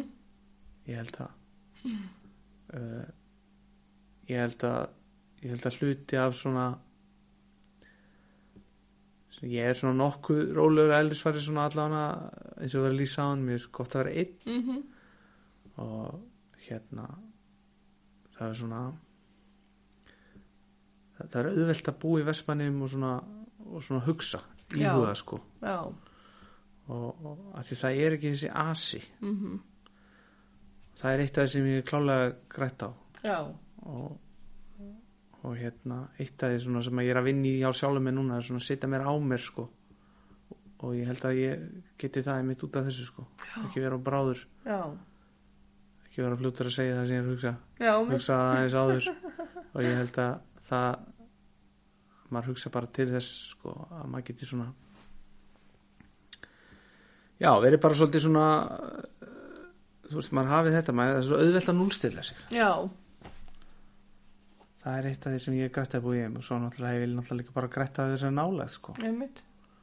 Ég til dæmis það, nú kom ég reyndar á bílnum hérna núna sko. Já, en hérna ég til dæmis eh, get alltaf hugsað mér að fara út á mótnana á bílnum í vinnuna sko. bara því að veit að fjarlæðan eru svona stuttar. Einmitt. Bara því ég veit að það tekur mig innan við tímítur að labba inn í kirkju. Já, og svo ef ég fer í tónlaskóla að kenna eftir hátegi þá tekur það mig innan við tímítur að labba þanga og svo tekur mig kannski rétt rúma tímítur að labba heim. Einmitt. Og þetta er engin tími sem er að ráða til spillis. Nei, þannig já, ég held ég grætt að þessu. Já. En hérna finnst þér eitthvað ábúta vant í eigum Já, mér finnst hellingur ábúta vant ég, ég er ekkert öðru sem aðri þar. Mér, mér finnst við vera mér finnst við vera hérna uh, ég er mjög ánægð með nýja samgöngur. Mhm, en ég vil hafa það betri. Mhm. Þó ég sé ekki eftir að fara í þannig sem ég var að segja. Nei, nei. þú veist og vera annar staðar. Nei, nei, þá held ég að það sé er hérna er mjög hættulegt hvert samfélag er að fara varandi uh, fólksfjöldaþróun. Mhm, uh, fólk eldist er mikið eldast hérna og mhm það er gott að hafa eldra fólk hérna, það er nöðsynlegt algjörlega. En eitt af því sem gerist ef við förum ekki að til dæmis að hugsa þetta sko, Íslendinga þurfum náttúrulega almennt að hugsa samgöngur upp á nýtt. Já, að hérna ef þú spáir í því að hérna að hérna eftir klukkan 11 á kvöldin og til 7 á mönduna sé bara lokað. Já, já, og okkur finnst það bara eðlilegt. Já. Og, og í raun og veru sé enginn sem að vil tala um þetta beint eða gera það og finnst Já. það bara eðlilegt. Já, mér finnst það mér finnst eitthvað að því sko.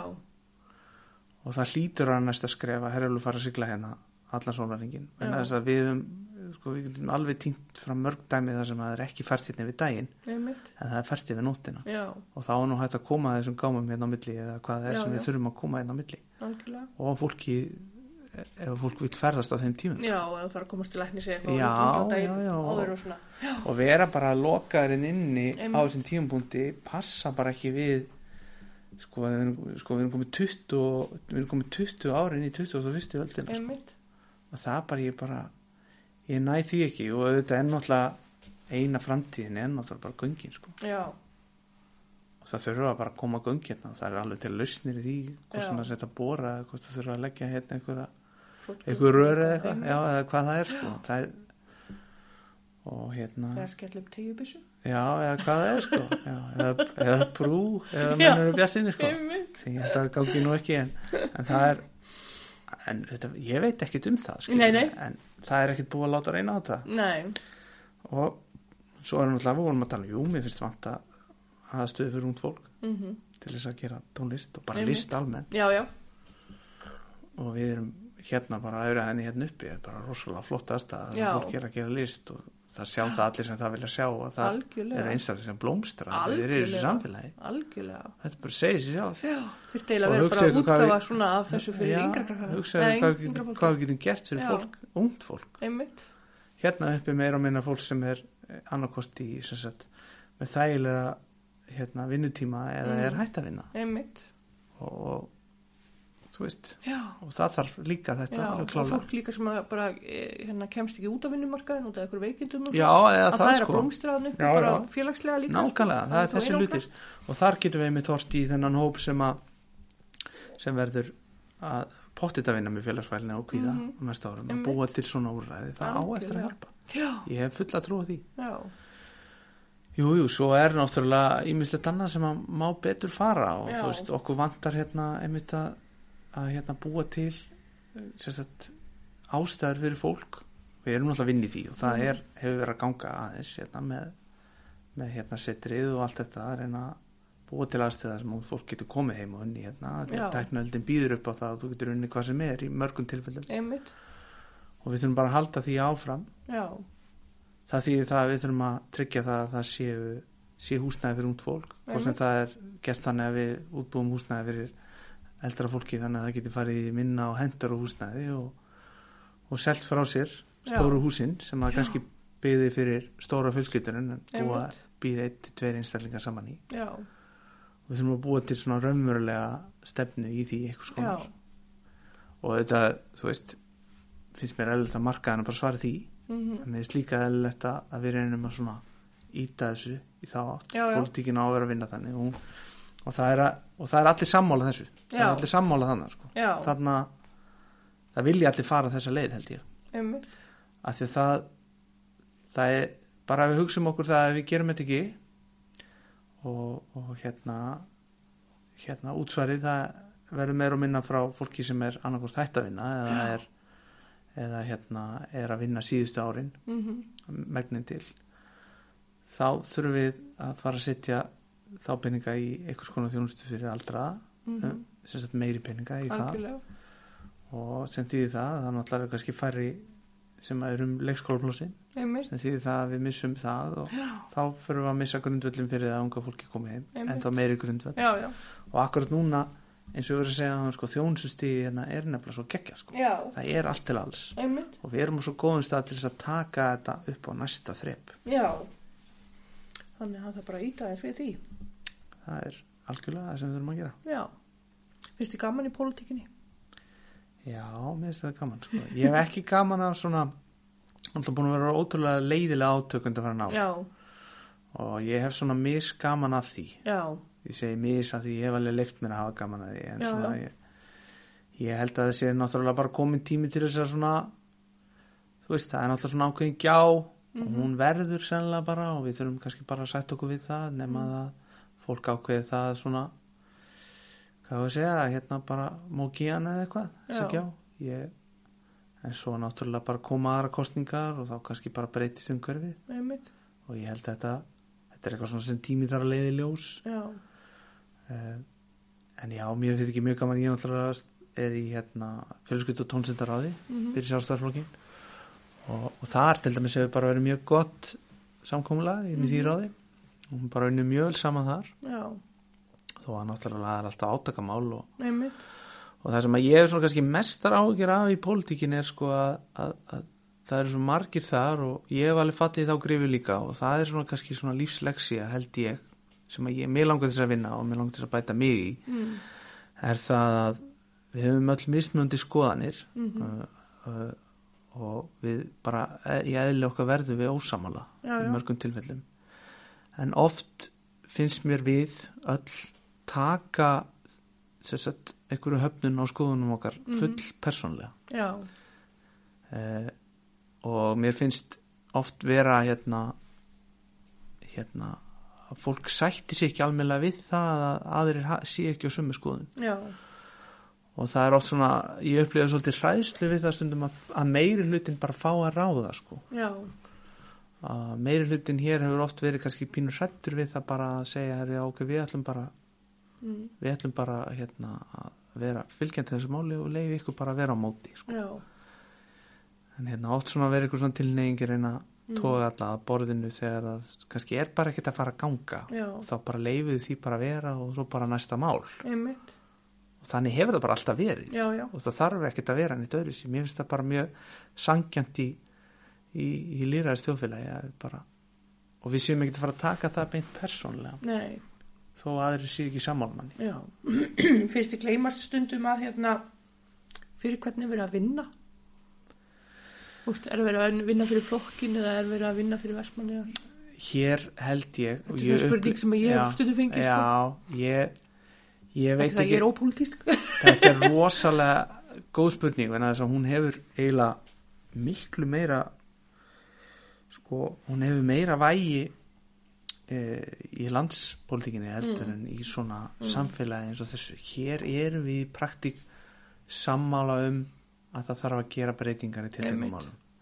En við erum bara ekki sammála hvernig við ætlum að gera það. Já, og aðal svona hvað við segja svona gjáin svona ef við, ef við tökum út allt þetta persónlega aðal gjáin milli þeirra sem sitta sem sjálftarflóðsins minnlita og svo samstarfsins milli E og H núna svona stóru svona sagt munurinn er það sko að, að hérna að meirlutin er óhrættur við að hérna eða svolítið peningum já, og sjálfstæðarflokkurinn er svolítið harðar að við erum ekkert að vera að eyða svona mikið af peningum. Já, það er svona grundvallar aðrið það sem er. Já, og þetta er bara ákveðan taka já, og ef þú eigður peningum þá eru náttúrulega bara afleðingar af því. Þú nærða að bæta þjónustuna en þú þarft að draga saman annar staðar. Algjörlega, að bitna bara annar staðar.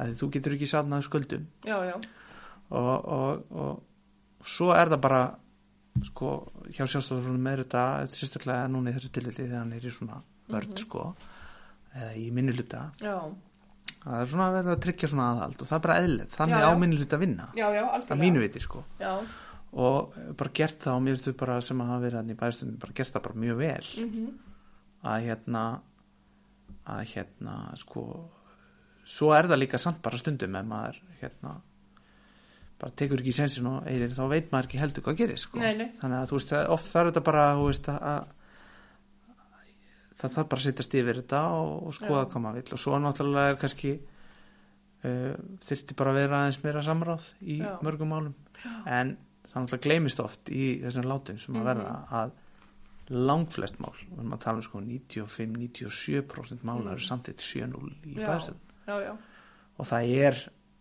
það er í raun og veru bara þessi stóru mál sem, að, sem hafa svona mestu vægi það sem að eru svona í raun og veru ykkur átök. Einmitt, og það er bara hérna svo eru svona ykkur svona vera að kasta á milli ykkur svona skyrnum boltum líka stundum og já, auðvitað má sleppa og allir. Já, já, og, og þetta þetta er náttúrulega löngu komið eitthvað svona þú veist, hver byrjaði? Já, hérna, og það veit enginn hver byrjaði skilur og, já, veist, þannig að það er bara að koma núna kostningar í, í, í, í hérna jú, og það er náttúrulega þingkostningar núna. Mhm, og þetta er saman tengt. Einmitt, og það þarf að byrja að tala saman og Já. það þarf að byrja að búa til eitthvað svona, hvað þú að segja svona hérna, einhvern umræða grundvöld og það er bara einleitt til þess. Já. og það er bara að byrja núli það er ekki alltaf hægt að gleyma en maður er kannski stundum að velta fyrir sér sko hefma að vera að taka hlutina aðeins og persónlega já,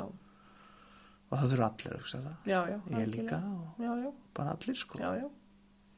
Algjörlega, nei, ég er bara verið að segja, ég dáist að fólki sem að getur unni í þessu, já, ég það líka ég segi það líka svo Hvort að hafa svolítið breytt bak. já, það eru sumi sem að hérna eru tilbúinir að leggja allt í Mm. söldunar og, og hérna það er hérna bara ótrúlega viringavert Já. segi ég og alveg sama fyrir hvað fólk fyrir hvað afl fólk vinnur fyrir sko Já, algjörlega. Mm. En hvað þú þið til gamans í dag? Herðu, ég náttúrulega er svona Kanski svona bursja frá veirunni líka. Já ég hérna uh, það sem ég hef verið að gera mér til gamast núna undanfarið, ég Mm. tók húsið mitt í gegn já, og það var mikið vinna og ofta er vitt en það er sennilega með því skemmtilega sem ég hef gert já, þannig að sem ég uppkvitaði bara svo margt í nýtt í sjálfum mér ég bara ég bara það er smá rafvirk í mér og, Já. og, og, svolítið smiður og svona og, og hérna og, og það er svolítið gaman að fara í svona stórt verkefni í, í svona bæjarfélagi eins og þessu venna sem maður þarf að leita til alls konar fyrirtækja Mhm. og, og félaga og vinna og svona og þetta bara þú veist samstæðan sem að maður upplifið þar og Mm. hjálpseminn og allt það sko þetta er svona hefur þetta er svona eh, hérna já, maður hérna, stækkaði mann hjarta við þetta Mhm. svolítið sko og hérna maður nautis ótrúlega mikið já, og, svona eitthvað garfa í svona, já, einmitt að skapa eitthvað svona þú veist, Mm. úr trí eða eða hérna laga eitthvað dóti eitthvað svona. Já. það er svona, það sem manna er svona eitthvað svona aftur. Einmitt, aðeins að kúpla sig út, fjölskylda og ná er aðeins einn út í bílskúri eða eitthvað. Algjörlega, og svo er það náttúrulega bara að setjast niður og spila. Já, spila á gítarinn er, er, er svona eitt af því skemmtilegasta sem að ég náttúrulega geri. Einmitt, og er náttúrulega gróin á mig. Já, og þetta sem er músík og allt þetta. En svo er það líka sem er kannski svona þetta stærsta núna er að maður er náttúrulega er út um allt og er allstaðar og eitt af það sem veiran gerði og margir að tala um og mikið kostur er að maður náð svona samennast aðeins betur heima. Mhm, og náður svona tengslum við svona upp á nýtt. Já, svolítið við krakkana og, og almennt við fjölskyldina og, já, og þessi samvera með þeim undanfari er bara mjög dýrmætt já, og eitt af því bara nú eins og ég segjum, bara skrappa smá lundapissu við þeir í gær og, já, með peyjana og, og við þarna sigurum heiminn saman, fórum heim með átta, já, átta kveikendi Vel gert. Já, já, það bara og þeir er alveg heimilífandi og allt þetta og þetta er alltaf bara gefur. Já, þetta gefur sko. Já, ég held nefnilega sko, er, ég segi alltaf að það er svona yin og yang í öllu sko, Mhm. mm -hmm. alltaf smá, smá neikvætt í því góða og smá Mhm. gott í því Nei, neikvæða sko. já, já. Þannig að ég held dæmis að hérna, einmitt að við höfum verið að fara svolítið mikið gist svona í gegnum tíðina bara í lífinu, veist, allir Mhm. að keppast við að eiga eitthvað og, og þá bara svona börnin aðeins svona til hliðara því að Mhm. allir svo til að vinna fyrir öllum hlutum, einhverju döðum hlutum sem skipta í rauninni engum málið þegar upp staði sko. Að hérna, ég held að það hafi verið svolítið svona kennslu ríkt að fá svona veiru og, og bara að taka okkur aðeins tilbaka og eða tíma með börnunum og fjölskyldunni. Ég er alveg það því ég er mikill efnisengju pjessi sko. Já, og ég hafði bara mjög gott að þessu sko. Já, aðeins þó að hérna þó ég hefði líka alveg bara viljað að sleppa við þetta já, sko. já, algjörlega. Já, maður kannski ekki vilja fá veiruna sem slíka en ég- kannski þennan tíma samt dýrmænta tíma með maður börnunum. myndi alveg hérna maður myndi ekki breyta því. Já, ef maður færi tilbaka sko. Já, maður myndi reyna að gera eitthvað í því sko. já þannig ég ætla að vona að fólk haldi áfram að sinna börnunum eins vel og er búið að vera að já, já, Því ég held að þau alveg hérna þegar upp í staðið þá eru þetta ábygglega dýrmætustu minningarna fyrir þau. Já, já margir hverjir upplefa þetta sem svona allavega svona e, já, þessu algjörlega. öllu saman. Já og það er allir reyna að finna eitthvað að gera eins og fyrst í fyrra þá voru margir með bara þegar var hann að ferðast heima var ekki, jú það var í fyrra mm að hérna, þá var fólk að tjálta inn í stofu og já, eitthvað svona, já, veist. já, já, sé hvað sem þetta aldrei í hug að gera. Já, já, þannig að maður sá einmitt alveg frábæra alls konar hugmyndir sem að ég var alveg bara, hm, þetta er sniðut já, já. Svona manneski sem að, já, á ekki börnum svona, þá finnst Já. mér voða gaman að sjá hvernig fólk er já, já. að, hvað er að gera með börnum sinni en já, ertu prakkari? Já, ég er það, sko, ég hérna, hún, Amena Kristína minnar, Já, Stín í Sparisjónum, já, hún segir að ég sé með hotn þó ég vinn í kirkjunni, sem með hotn og hala. Og ég er náttúrulega, ég hef svona, ég hef svolítið gaman að henni að því hún er svona, það er náttúrulega ekki fallegt að segja frá því, en ég hef nýtt með það hvað hún er svona góð sál og varst ekki um neitt og ég hef stundur hringt í hana og svona atast í henni. Verið að gera at og þóst verið ykkur annar og svona. Og einu sinni náði inn og haldi inn á snakki við, við, við mannesku sem var önnur en ég sko. Sem hún vissi ekki að væri ég. Já, í einhverja 20 mínútur og, og, og síðan hefði það hérna alltaf svona, síðan þá hef ég verið með hotn og hala. Já, en hún er allt gaman að þessu sko. Og svo er ég, jú, ég er náttúrulega bara mjög stríðin og mjög kaltæðin og, og hérna fljótur að snú út úr hlutunum og svona. Mm, það er þannig. Já, og já, já, ég hef gaman bara ég bara hef allt og gaman bara óþægilega gaman að stríða fólki sko. Já. ég fæða líka bara tilbaka því að sinni mínir þeir eru bara eins, er ekki verri og, og það er hérna það er stanslust verið að koma aftan að manni og bregða manni og, og kýtla mann og eitthvað og Já. þú veist bara, maður, maður færi þetta allt tilbaka sko já, já. Og getur þú tekið því þegar þú fara tilbaka? já, Það er já, bara svo margir sem geta það ekki. Nei, ég nefnilega það er svo fyndi ég, það er svona ég hef marga galla en ég Já. held að þetta sé svona ákveðin kostur ég Já. trubla mig ekki sko ég, ég hérna ég sendi mákonu minni um daginn svona smá grín á Facebook sem að ég veit að svona mörgum öðnum þótti fyndnar en henni og, og, og nú býð ég bara því Já. ég veit að hún er að fara að hefna sín Já. og ég bara, mér hlakka bara fín til sko. af því að hún er svolítið góð í þessu sko. Þannig að ég já, já, það, maður fær þetta allt Já. en hérna, hvað er stæðsta prakkarastriki sem þú hefur gert? Þú velja úr. Mér þetta er náttúrulega bara einhver svona prakkastrykki hug sem er mjög dott í hug en bara passa mig á að gera ekki sko. Já, svona ég svo sem þetta er ekkit svona í hug fljótu bræði, kannski Nei. kemur eftir Jú, já, ég meina Ég hef til dæmis oft hótað í hótað sér að guðmyndi og ég hef aldrei látið verða að því að að hérna að setja volga gemúlk á, á, á hérna altari fyrir hann þegar hann er í Já, ef hann er ekki góður þannig að hann er mjög stríðin líka. Já, uh, og, og svo eh, komum svo við mitt hjá okkur hérna nokkurum að, setja bara vodka. Já, já, en hann já, en það er ljótt því að hann, hann notar ekki áhengi og, og notar bara trönuberjasafa Já, þannig að það er svona við með ekki látið verða að því. Nei, en það er svona eitthvað svona sem mann, mann dettur alls konar hug sko. Já, svo er, passa maður sín og að gera ekkit nei, ekki ennþá, það er nú kannski eitthvað sem, sem kemur upp í hugan já. Já, þannig að, já, Guðmundur Örn, þú átt mína samúð. já, já, hann fær stundum stundum stundum að finna fyrir því. Já, ó, já. Er gaman að vinna í kirkjunni? já, það er gaman að vinna í kirkjunni. Skemmtilega mór allir svona. í landakirkju, já, Mm.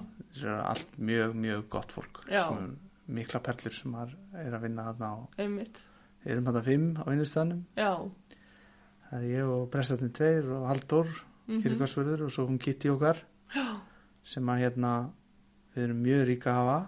Mhm, og hérna þetta er svona svona þælu vinnustæður mhm, Eh, Kitty hún hefur svona ákveðið það að vera hún er svona meiri myrkraverkonum vegna þess að hún æfir sig á nóttinni og eða kvöldin og nóttinni og líður best í því sko, Já. svona nátttrapp já, og þannig að það er, það er svona rólegt hjá okkur á mótnana, mm, okkur hinnum og hérna og já, ég segi það bara, veist, þetta er náttúrulega bara svo miklu öðlingar allt saman Já, sko, veist gefa bara mikið og gott af sér og, Já. og, og ég er náttúrulega svona já, eins og ég segi, ég er sá sem er með hotnin og halana þarna, en þá ég að vera það sko ég er Já. æskulsfytturinn, ég á að vera sinna krökkunum sko, já, einmitt, það var að mesta fyrir hjá mér sko. algjörlega. En hérna, það sem ég var nú að passa því henni gamla daga, já, þá varstu mikill bíla áhuga maður. já, það dó sennilega bara á sínum tíma Já, það. já, ætlum við að segja frá því ja? jú, þú mátt segja það á sögu því hún kannt hana betur en ég hún, Kann ég er, hana hún betur? er nefnilega mjög góð sko Já, þú sérst átti það til að vera að leika bíla. já, já, Þú kunnir öll bílanöfn. já, já. Þú gast holta bara, já þetta er Mazda og sagt hvaða tegundu Já, það var. já, og já. Og þú varst ekki nema hvað, þryggja ára eða eitthvað sko. Mm -hmm. Maður bara, hvað, þessi krakki verður bara eitthvað já, já, já, ok Nema hérna, nema þú átti það síðan til að vera að leika bíla. Mhm. Þannig að þú varst að hlaupa um allt húsið run, run, run, run, og skiptum gýra á eitthvað. já, Svo heyrist allt í nú bara Mm. og grenn.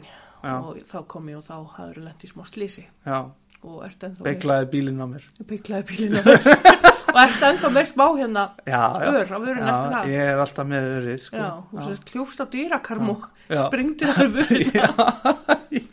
blóður já, já, já, svo, svo hlupum við í mannetti og hljóst með mig til Kristína nágrana og hún skuttla okkur. Og það var svo mikið aðt að það tókstu alltaf að loka hurðin á bílnum. Já, já, ég man eftir því. Allir í blóði og, og hérna, já, já, þetta það er greift í minninguna Já. sko. þannig að já, þetta er gaman. Þetta var Það ekki, gaman þegar á því stóð en, en fyrst það fór nú ekki verða en þetta þá Ég man alltaf eftir sko á hurðakarminu sem ég hljópa á, það Já. var alltaf smá far eftir mig, Já. sko. þannig að ég beglaði hann líka, sko. Já, þetta var ekkit smá högling Ég var bara alveg, hvað gerðist? Var eitthvað inn í eldu sig að græja handa þér hérna flakköku? Já, já, Ég já. man þegar við komum heim og þá var alveg flakkakan en það var borðinu já.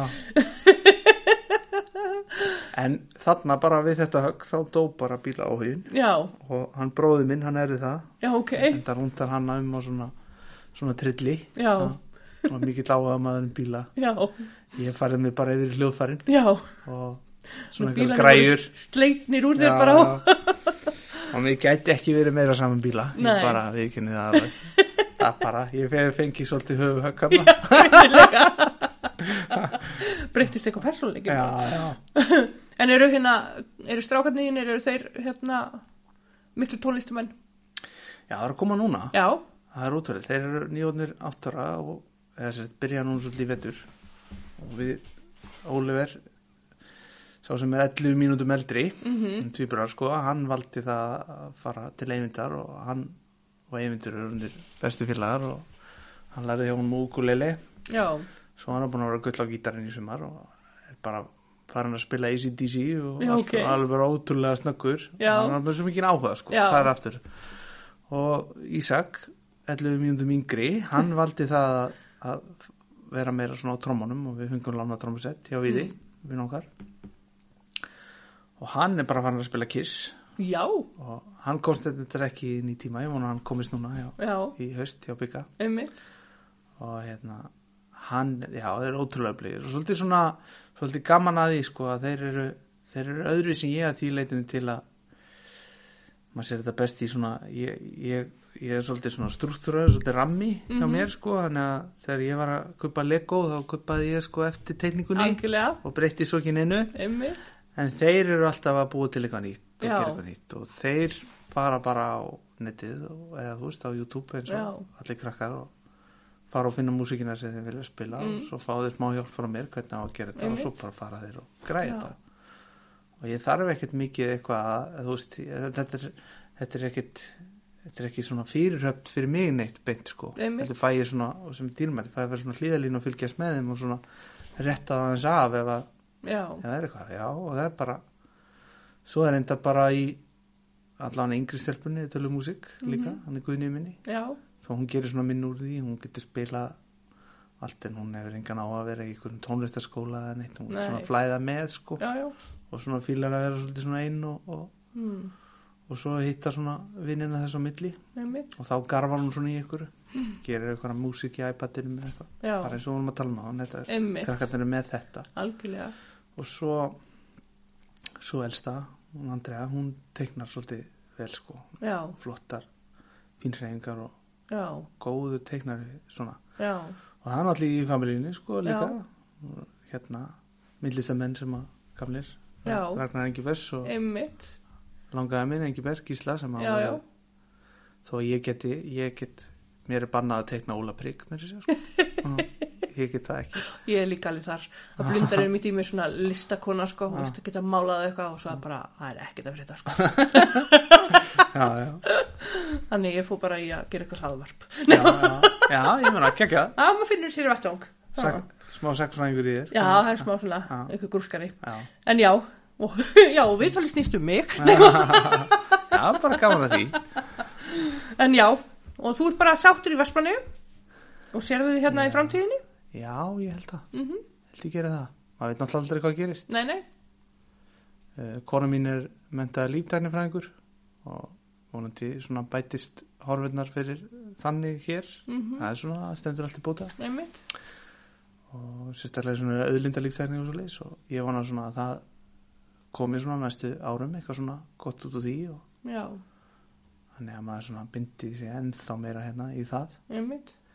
En ég menna ef, ef eitthvað, eitthvað spennandi gerist og svona Já, þá já. er maður ekkit órættur svo sem held ég að prófa eitthvað nýtt Nei, en, nei. en það er ekkit á planinu en neitt sko. Nei, nema bara næsti dagur og, já, eða dagurinn í dag eiginlega Já. ég held að já, bara njóta þess. Já, svona næstu vikur svona eitthvað. Já, eitthvað svona plönn svona einmitt. sem megi alveg klikka Já. Mhm.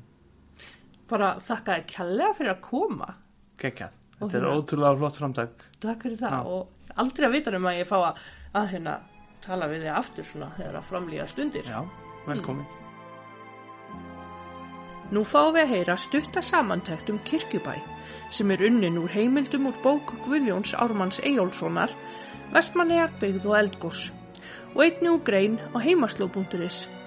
Ég vil koma á fram þakklæti til Þórarinn Sigurssonar fyrir afnóta mynd sem að hann á og ég fekk að nota í kynningamynd fyrir þennan þátt. Þetta er sögubrót í bóði bókasars Vestmannega. Hægt er að afla sér upplýsinga á bókasafninu og á heimasló.is.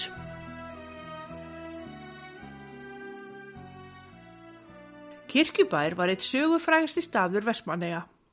Við manntalið 1816 voru 212 íbúar í Vestmannejum og voru þá 99 manns í kirkjubæðasókn.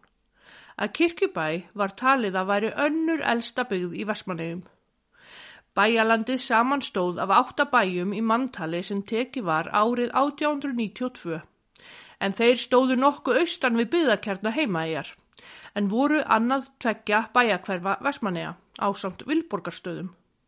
Bæjarnir dróu nafsitt af því að þar stóð kirkja sem reist var 1269 og stóð til 1573. Þar var prestsetur fram til ásins 1837. Kirkjan á Kirkjubæ var í eigu Skálholtskirkju fyrstum sinn, en Mikjálsklaustur í Björgvin í Noregi fekk Kirkjubæjarkirkju að gjöf frá Orna Þorláksinni Skálholtsbiskupi árið 1280. Á þessum tíma voru í Vestmanneum tvær kirkjur, en hinn var Klemensarkirkja sem stóð á Hörgáreyri. Kirkjubæjarkirkja hétt réttu nafni Péturskirkja og var hún helguð Símóni Pétri lærisvinni Jésu sem var fiskimaður og vendardýrlingur fiskimanna. Í setni tíð hlaut kirkjan nafnið Ofaleitiskirkja. Fyrsta kirkjan að löndum, nefnd landakirkja, var byggð í lúterskum sið árið 1573. Þá örðu guðshúsin sem stóðu á Ofaleiti og á kirkjubæ að bænahúsum. Og landakirkja var eina kirkjan í Vestmannegjum. Kirkjubær var að fornu talin átta einbýlisjarðir. Norður hlaðbær, norðurbær, austasti hlaðbær, kirkjubær, suðurbær, miðhlaðbær, ólafsbær, vestasti hlaðbær, kirkjuból, vestri staðarbær, staðarbær 1 og eistri staðarbær, staðarbær 2, bænhús og tún. Kirkjubæðabændur áttu nýtjalönd í geldungi þar sem þeir máttu veiða fíl og súlu brandi til lundaveiða, fílaveiða og súlnaveiða og eggjatöku ásamt því sem þeir máttu hafa þar 13 sögði á beit. Á haustin voru 26 lömp sett þangað í vetrabeit, en mjög gott þótti að beita í brandinum. En fremur höfðu kirkjubæðabændur rétt á 25 sögða beit til móts við vilborgarstaðabændur í Suðurei og alla nýtjar í flugum og í Istakletti lundaveðar eggjataka og beit. Örnefni tegnd kirkjubæ, dagtegur flöt skamt fyrir vestan móhús þar sem fimm hestum var beitt að öllu jöfnu.